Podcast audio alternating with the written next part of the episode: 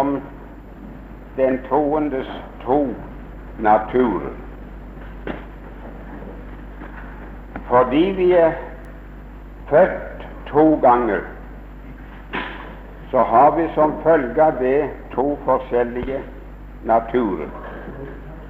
Den ene er guddommelig og god. Den andre er naturlig og vond helt igjennom. Og når vi er først i dag si lite grann om vår gamle natur, den som er ond. Men nå må ingen av dere vente at det jeg sier nå, er hele sannheten om den naturen. Det har jeg ikke tid og anledning til. Med hensyn til den så står det i Romane 5 og vers 12 at synden kom inn i verden ved ett menneske vår første far. Og det sies i samme kapittel, vers 19, at de mange er blitt syndere ved den enes fall. Og Peter han skriver i sitt første brev og vers 8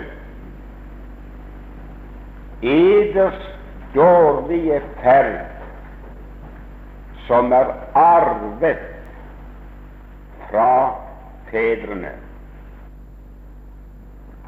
Om det vil jeg nå bare si det. Det gjelder oss alle, uansett hvem og hvor vi er. Synd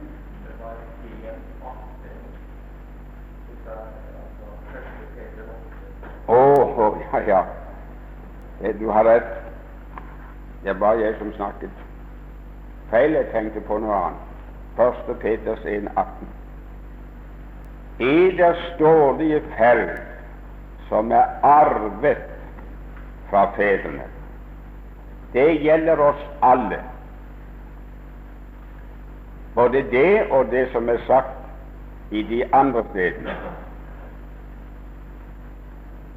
Nå har jeg skrevet en del av det jeg vil si, og nå vil jeg være bundet litt av det som jeg har skrevet, for å komme fortere gjennom det. Ingen av oss er blitt vonde fordi at vi selv har overtrådt loven. Men vi har overtrådt og syndet fordi at vi er vonde. Hadde lagt merke til hva det står i Johannes første brev, tredje kapittel og vers fire? Der heter det at synden er lovbrudd.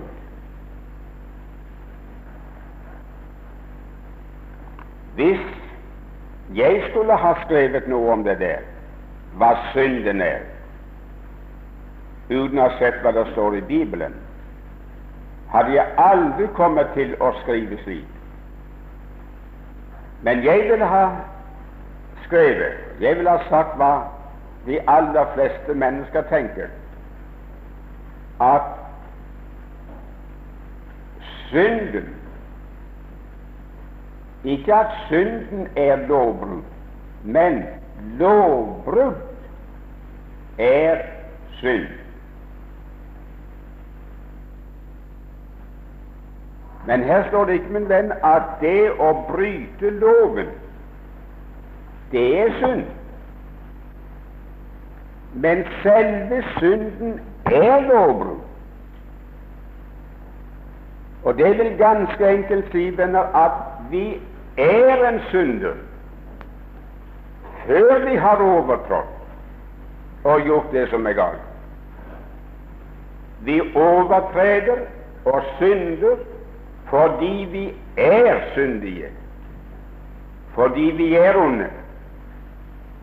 Så ingen av oss venner er blitt en synder og har fått del i en ond, syndig natur på grunn av den synd vi selv har begått. Men den er arvet fra fedrene. Og så gjør vi ondt og synder og har gjort det fordi vi er bonde. Jeg kunne lest mange andre ord for det, men jeg har ikke tid. Det som jeg da gjerne ville ha understreket, er at denne gamle, syndige, urene, ugudelige naturen som er nedarvet, den er ifølge Skriften og all kristen erfaring uforanderlig, og dermed uforbederlig. I Romerbrevet 3 og vers 12 heter det blant annet Der har vi jo en forferdende beskrivelse av hva det naturlige mennesket er. Og så sies det blant annet at alle til hope er de blitt bedervet.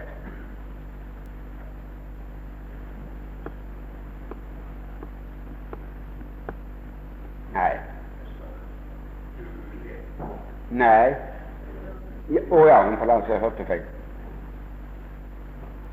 Vi er ikke blitt bedervet, ikke engang fordervet, men alle til hope er blitt uduelige.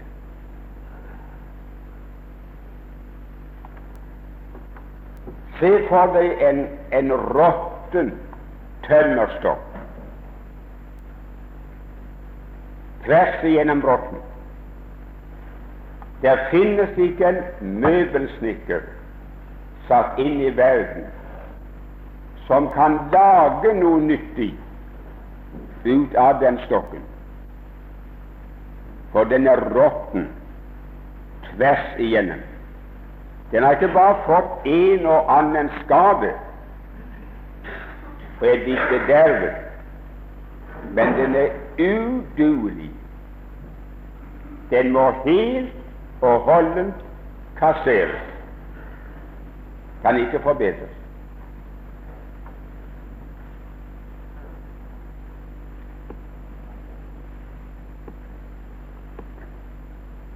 Jeg vet ikke hva jeg skal si. Jeg tror jeg må ta tid og bruke en illustrasjon. Som ganske ung gutt Jeg var kristen, jeg hadde begynt å reise.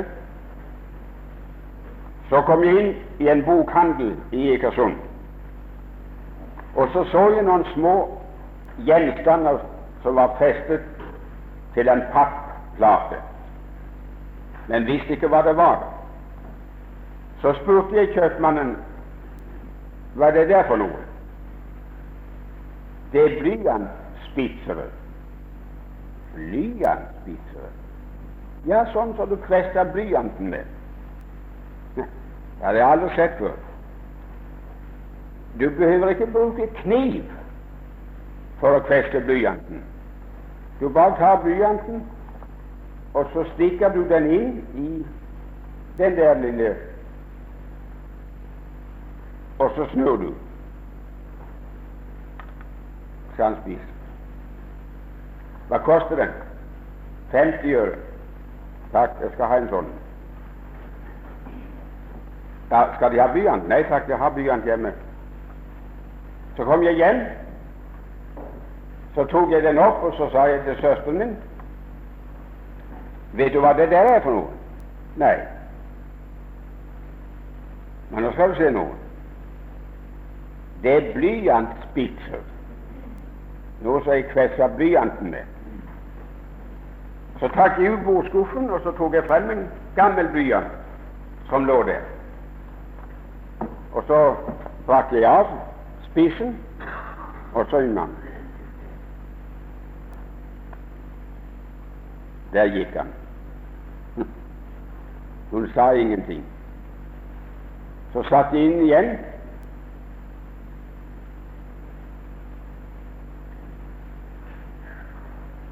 Gikk han igjen. Ennå sa hun ingenting. Så forsøkte jeg tredje gangen og var ytterst forsiktig.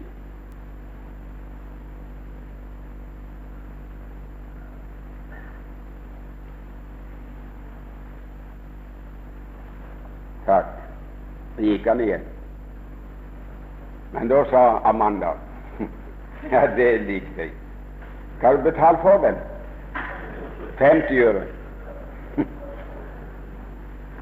Så har du altså kasta vekk 50 øre. Ja, det trodde jeg selv også. Og så slengte jeg både blyantspytteren og blyanten inn i bordskuffen. Og husker ikke på noen av delene på ca. et år. Imens hadde jeg fått ny blyant. Tilfeldigvis så jeg den skuffen og bevarte den spitseren. Nå skal jeg prøve igjen. Det var merkelig at det skulle gå så galt den gangen. Og så Fint. Ypperlig. Så brakk den av med vilje. Utmerket. Amanda, kom inn og se her. Husker du den? Ja, den, den blyantspissen. Den husker jeg. Nå skal du se. Brekker jeg av blyanten.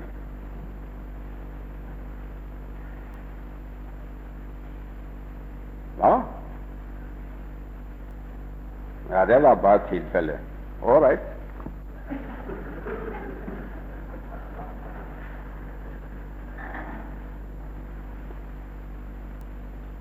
Hvordan kan det ha seg? Hvorfor gikk det så galt sist? Ja, det vet jeg ikke. Men jeg ville vite det. Så tok jeg kniven, og så skar jeg den gamle blyanten langsetter i to. Mm. Mm. Der kom elendigheten for dagen.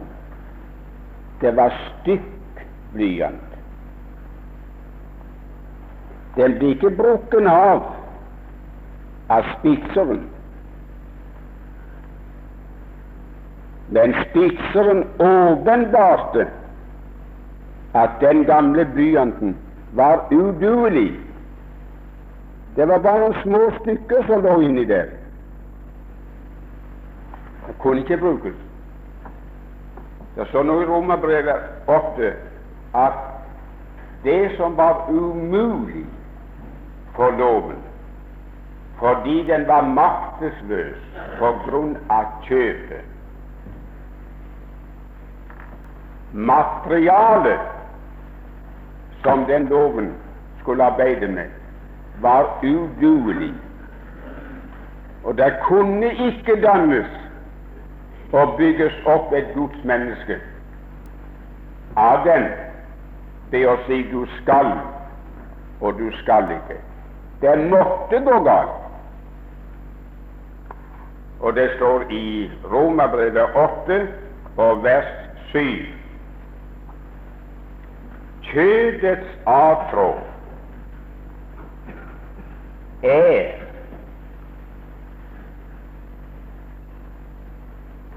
Jeg betoner det, altså. Kjødets avtrå er fiendskap mot Gud. For det er ikke Guds lov dydig, og kan heller ikke være det.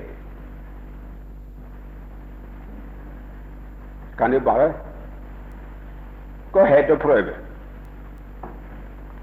Så skal det ikke gå venner et menneske bedre i åndelig henseende enn det gikk meg med den gamle blyanten. Spikseren var i orden, loven er i orden, men materialet som uh, den skal arbeide med, er uduelig. Og de som da vil forsøke å forbedre sitt gamle menneske, den gamle natur, hvem han enn er, de er å likne med de som, som Mika omtaler i sin bok, kapittel 7 og vers 5, hvor han sier med begge hender arbeider de på å få det onde til å synes godt.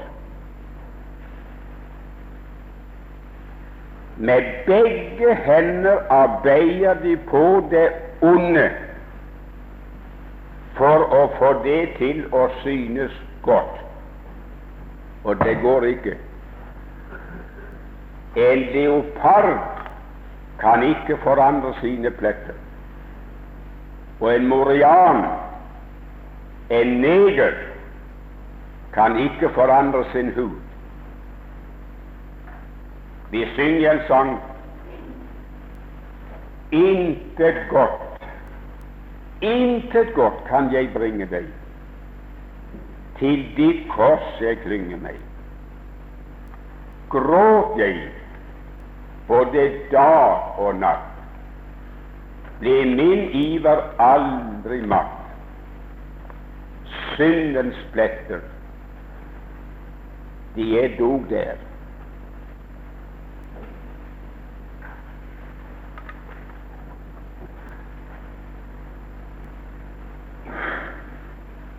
Jeg håper du forstår at dette var noen ganske få hentydninger til hva Skriften sier om det som er nedarvet, en vond, syndig natur.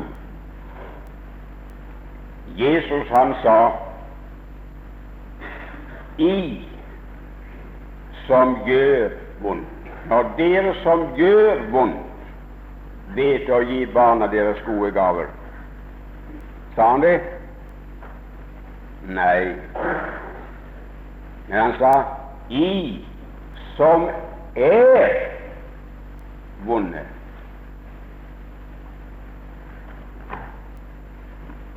Og Peter han sa ved en viss leilighet da Kristus åpenbarte sin herlighet. Herre, gå ifra meg, for jeg er en syndig mann. Jeg er ikke bare en mann som har syndet, men selve mannen er syndige. Og så har jeg syndet fordi jeg er syndig. Det er vår tilstand. Vi mennesker regner stort sett slik når vi ser på folket. Ser at vi synder, lever i annen slags synd, at det er bare de vil ha det så. De kan bare spytte i hendene og ta fatt, og så var det skikkelige folk. Da var det ikke det Adams barn. Men fordi de er vonde, så er de nødt til å gjøre det som er vondt.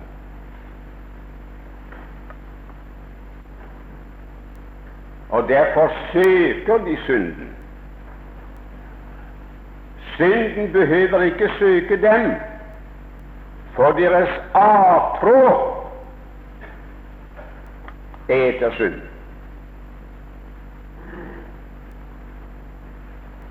Nok om det. Så noen få ord om vår nye natur. Også den skriver seg ifra en fødsel, vår nye fødsel. Jeg refererer bare til de ord jeg før har lest, at vi er gjenfødt av guddommelig sjel, og at vi ved de dyre løfter Herren har gitt, har fått del i guddommelig natur.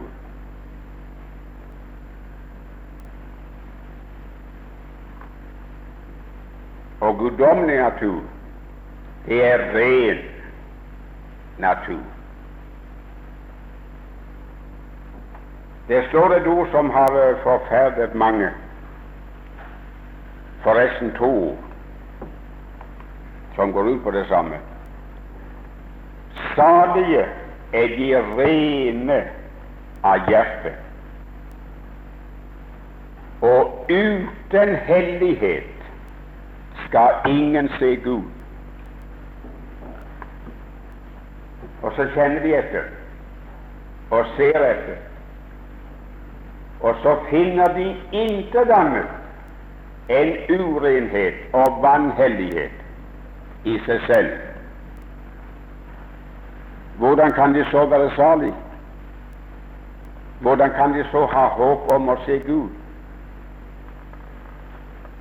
Venner, i Testamentet står det at Gud renset deres hjerter ved tro. Og beviser for det i apostelens gjerninger det var, sier Peter, at Gud ga dem, de hedningene i Kornelius' hus, Den hellige ånd på samme måten som han ga oss apostelen på pinsedag. Hadde Gud ikke renset deres hjerter ved tro, tro på det evangeliet jeg forkynte dem, hadde Den hellige ånd aldri flyttet inn og tatt bolig. Så flyttet han inn og tok bo, så må de ha blitt renset. Og all den stund de var hedninger, uomskårne, og ikke befattet seg med lovgjerninger, men bare hørte sannheten om Kristus Jesus, som jeg sto og forkynte dem, så må den renselsen ha foregått ved tro. Ergo med den er forholdet at det finnes ikke et eneste frelst troende menneske i verden som ikke har et rent hjerte. De er rene av hjerte, men ikke det gamle hjertet.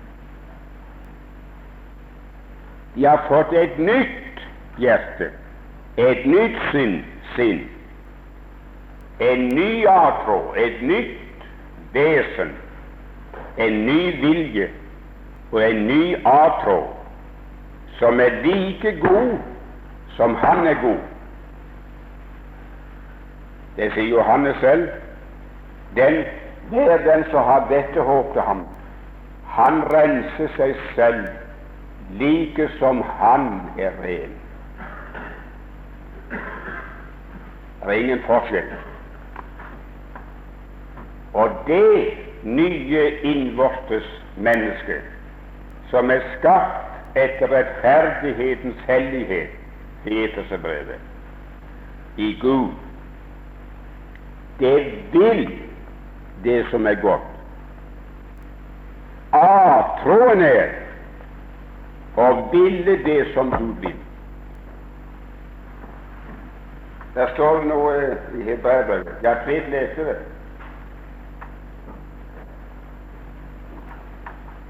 At jeg vil skrive, jeg vil gi dem et nytt hjerte og en ny ånd. Og jeg vil skrive min lov i deres hjerter. Og jeg vil gjøre at de vandrer i mine lover og holder det.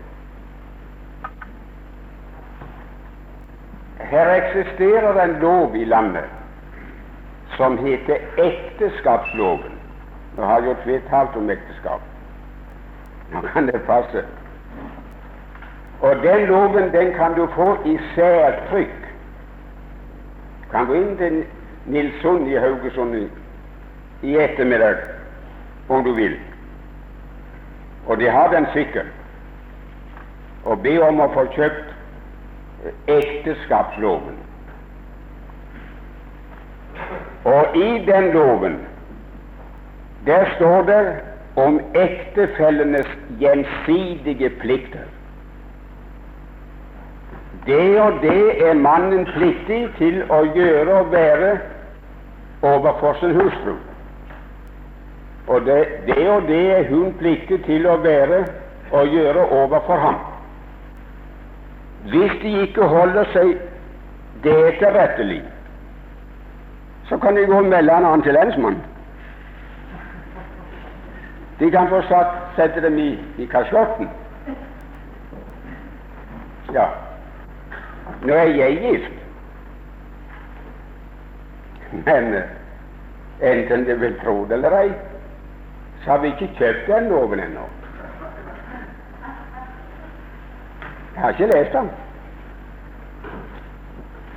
Men sett nå med den at forholdet var slik mellom oss hjemme som hund og katt, som er de til helvete. Vel. Så sier du til Dora dette går ikke, jeg vil til Haugesund i morgen. Og så reiser jeg. Og så kjøper jeg ekteskapsloven. Og neste måned sier vi må ha en andakt. Vi kan ikke ha det sånn som vi har det. Og så leser jeg ektefolkenes gjensidige plikter. Tror det blir svært mye bedre? Tror du forholdet blir godt en slik andakt? Jeg tror det ikke. Men vet du hvorfor jeg ikke har kjøpt den? Har ikke hatt bruk for den. For det samme så står i den loven, min venn, beskrevet her inne den gangen vi ble glad i hverandre.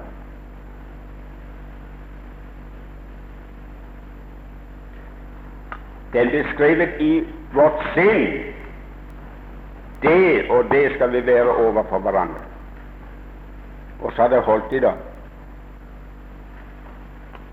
Og hvis det ikke er skrevet der, så det er blitt et stykke av vårt vesen, så nytter det ikke med noe annet.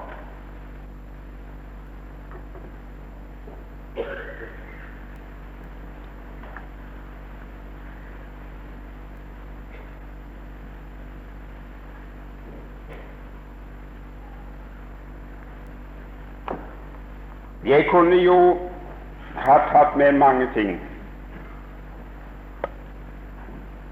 som på, fra forskjellige sider viser at det nye sinn, det nye vesen, det nye mennesket er godt og ikke kan forbedres.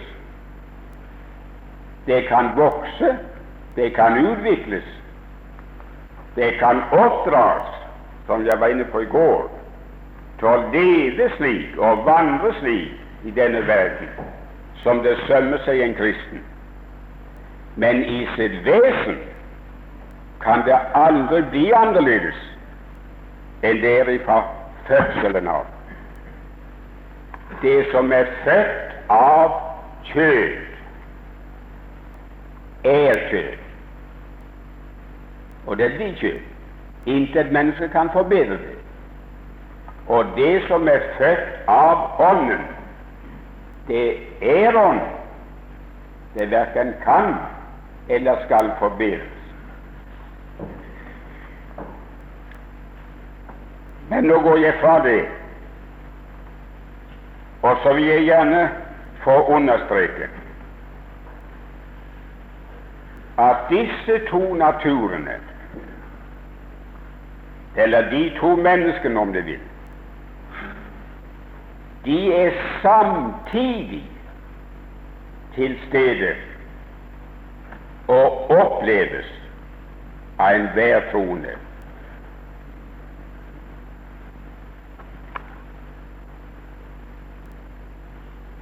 Et klart, meget klart vitnesbyrd om det har vi i Romerbrevet 7. Jeg skal lese tre vers. 18. For jeg vet at i meg, det er i mitt kjød, bor det svært lite godt.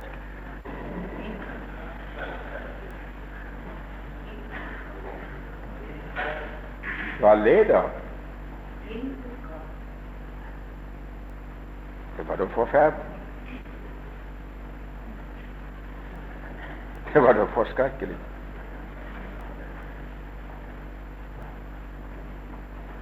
når vi kan gå med på det, lett å gå med på det, at det bor lite godt.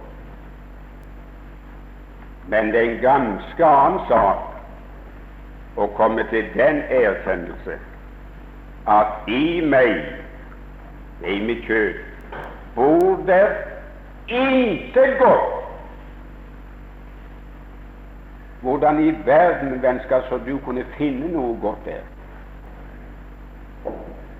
Og hvordan kan du så innbille deg at Gud ser på deg i håp om å oppdage noe godt i deg?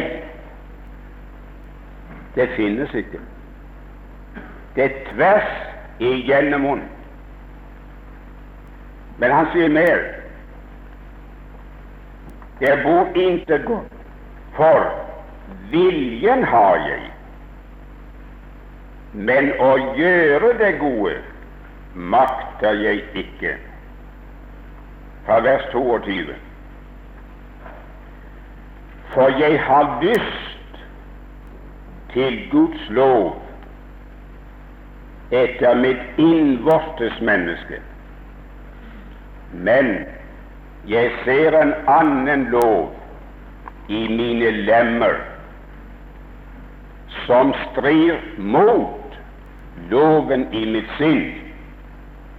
Med lov her tenkes det ikke verken på det gamle bud, Sinai-budet eller Jesu bud, men det er en makt, et vondt prinsipp i menneskevesenet.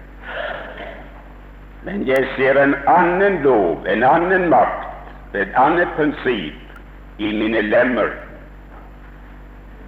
som strir imot loven, makten, det nye prinsipp i mitt sinn, og tar meg til fange under syndens lov, den som er i mine lemmer. Venner, det var to mennesker omtalt. Mitt innvortes menneske og det gamle mennesket. Det som er ondt, og i hvilket der ikke bor noe godt, som ikke vil og ikke kan gjøre det Gud vil. Og de var til stede samtidig hos den mannen. Nå kjenner jeg svært meget godt til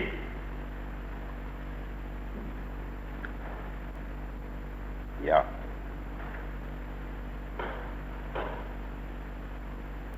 Før jeg sier det Den tar meg, denne syndens lov, i lemmene mine. Den tar meg til fange under syndens lov. Og resultatet var at det gode som jeg vil, det gjør jeg ikke. Men det vonde som jeg ikke vil, det gjør jeg. I Hebreerne 12 er det tale er det brukt et ganske annet uttrykk. Der står La oss avlegge alt det som tynger, og synden som henger, så fast ved oss. Hutetu. Du snakker om fluepapir, klisterpapir, noe som kleber seg fast. Men her er noe som kleber seg fast. I ungdommen så var jeg en gang inne på en kino og skulle se en krigsfilm. Krigen mellom Japan og Russland. Men før de spilte den hovedfilmen, så hadde jeg et vorspiel. Det glemmer jeg aldri i mitt liv. Aldri har jeg levd slik, og aldri kommer jeg til å le slik som jeg lo da. Vi fikk se et værelse, stort, fint, flott værelse. Det var helt tomt, med unntakelse av et bord som sto midt på gulvet. Så kunne vi se det lå en gjenstand på bordplaten.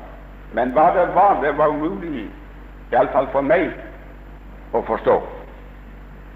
Men plutselig kom det inn en mann og så seg omkring, og der ble han var det der. Så gikk han bort og tok det. Så fikk han det rundt armen.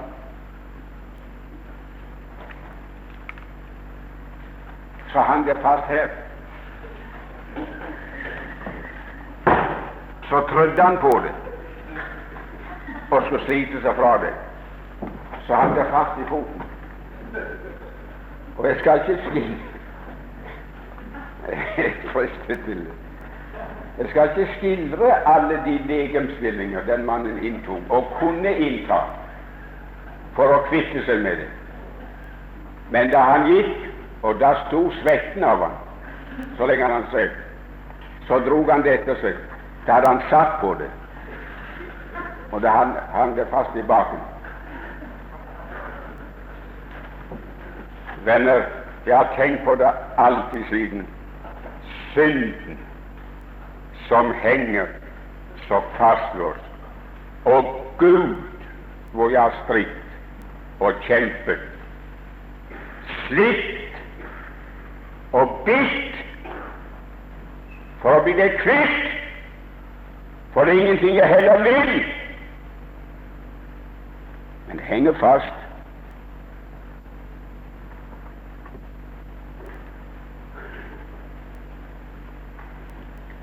Nå kjenner jeg meget vel til Det var noen minutter for sent å ta litt igjen. Det begynte ti over.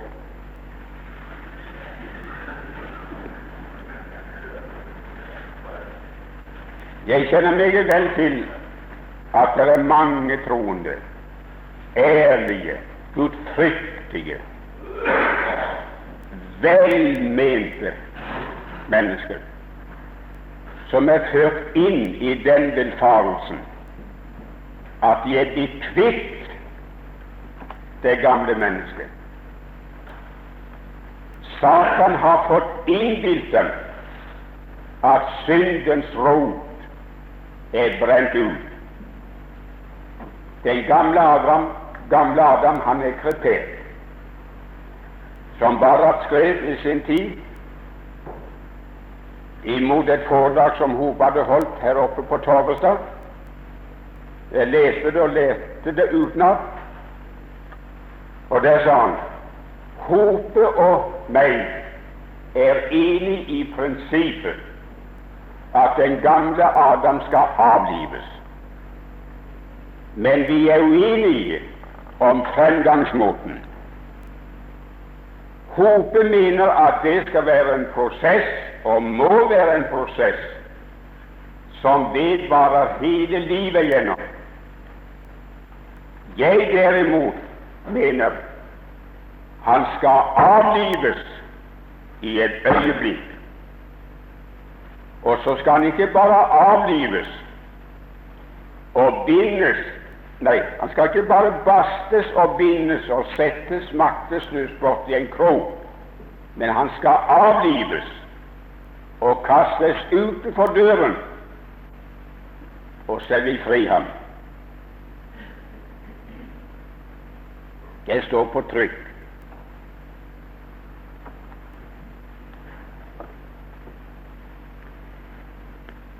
Og de menneskene som er ført inn der, de sier at det er bare så lenge som en kristen erfaringsmessig sett lever i Romerbrevet 7, at han har strid med det gamle mennesket og kjenner på det onde som bor i ham. Men så snart han er kommet inn i sannheten i Romerbrevet 8, der hvor det ikke er noen fordømmelse for den som er Kristus Jesus, sannfri kjøpet og den gamle Adam. Jeg kan, jeg kan, venner, med min beste vilje ikke begripe hvordan slike mennesker leser Bibelen.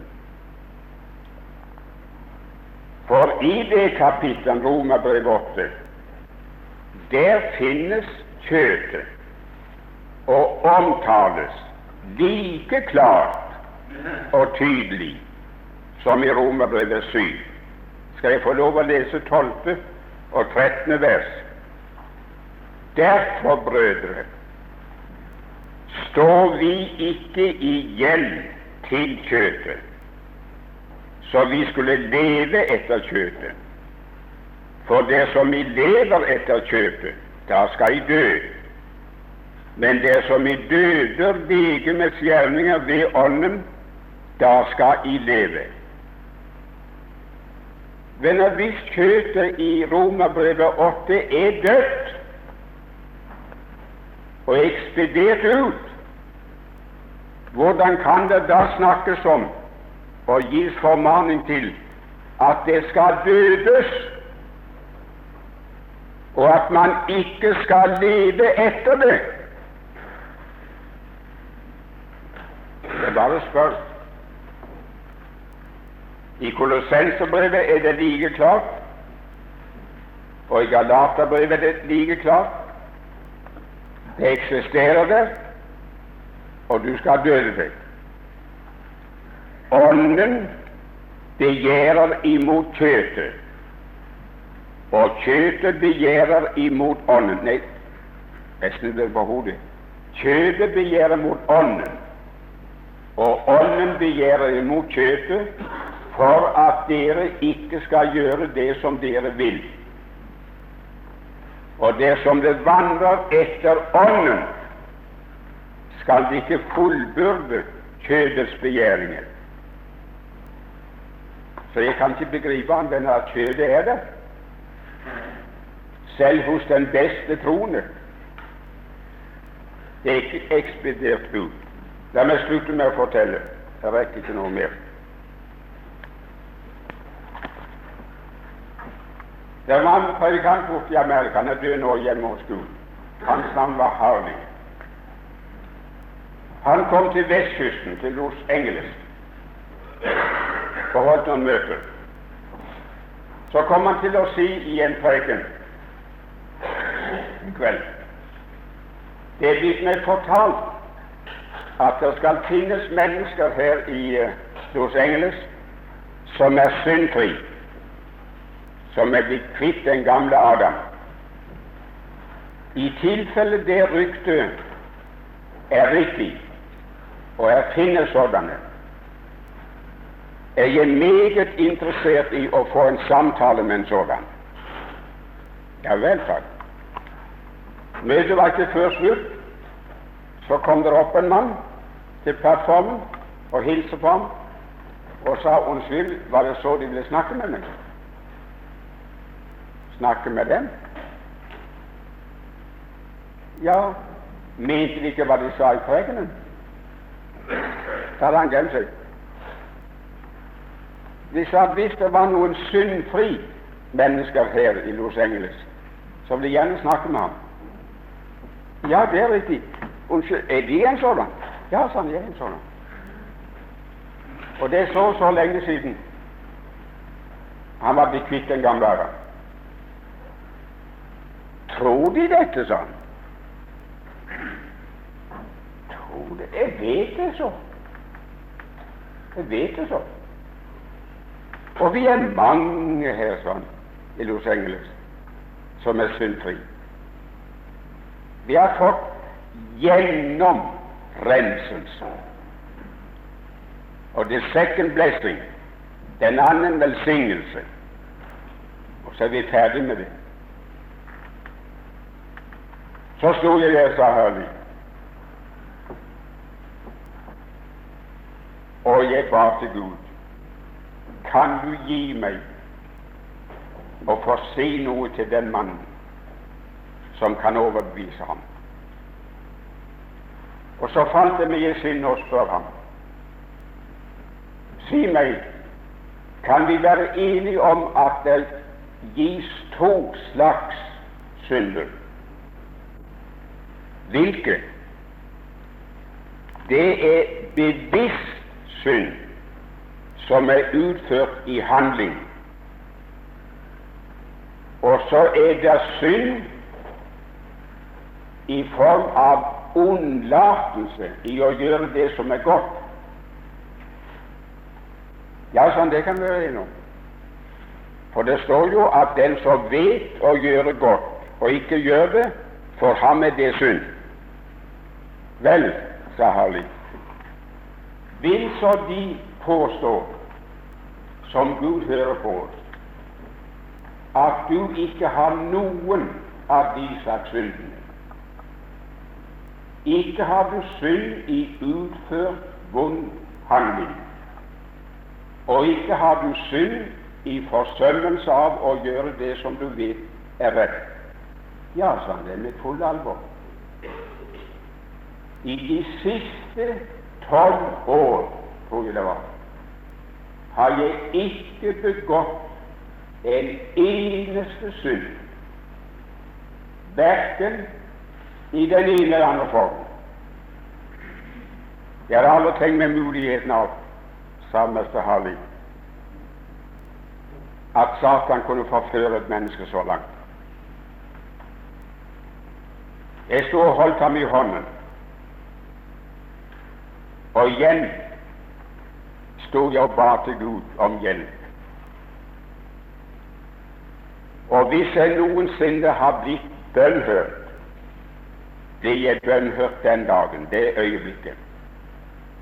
Men bønnhørelsen kom på en helt annen måte enn jeg ventet. Jeg ventet på å bli minnet om et ord fra Skriften å møte ham med. Men det fikk jeg ikke.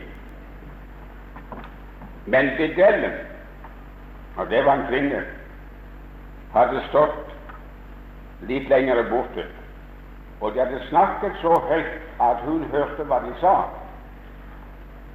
Og så skjønte hun den forlegenheten Harry var kommet i. Så gikk hun bort og sa 'Unnskyld, mester Harley'.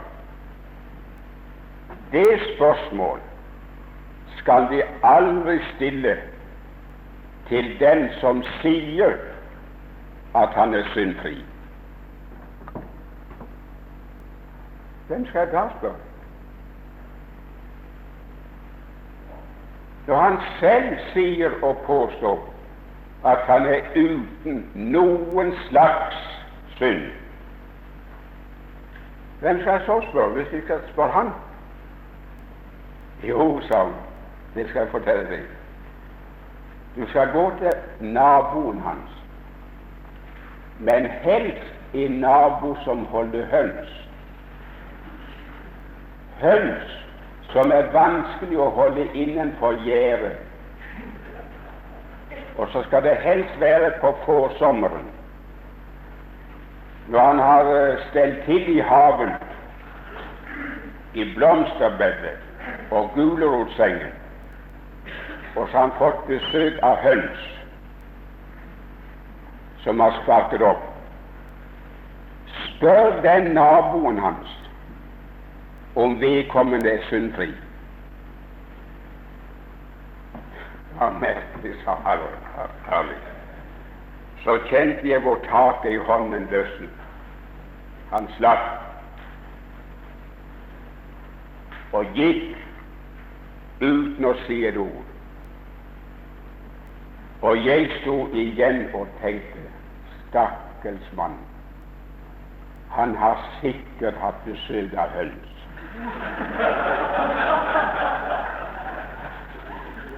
Ja, for det skal ikke mening hele til å røyke ut den gamle Adam. Er den som sier at han ikke har synd. Han dårer seg selv. Ingen andre. Gud kan man ikke innbille noe si. Og en mann kan ikke innbille kona si at han er syndfri. Og kona kan ikke innbille mannen sin det. Når de var forlova, sa han snart opp, så satt de på hverandres fang og så sa 'Engelen min'. Jeg skal si det var engler. De har ikke brukt opp mye salt, for de fant ut det var mennesker de var gift med. Nei, venner, synden, den gamle nedarvede rot, den er der. Og den er der samtidig med det vesen, det sinn, som er født av Gud, som er godt, og som vil det Gud vil. Nå skal vi siden se litt nærmere på forholdet mellom dem.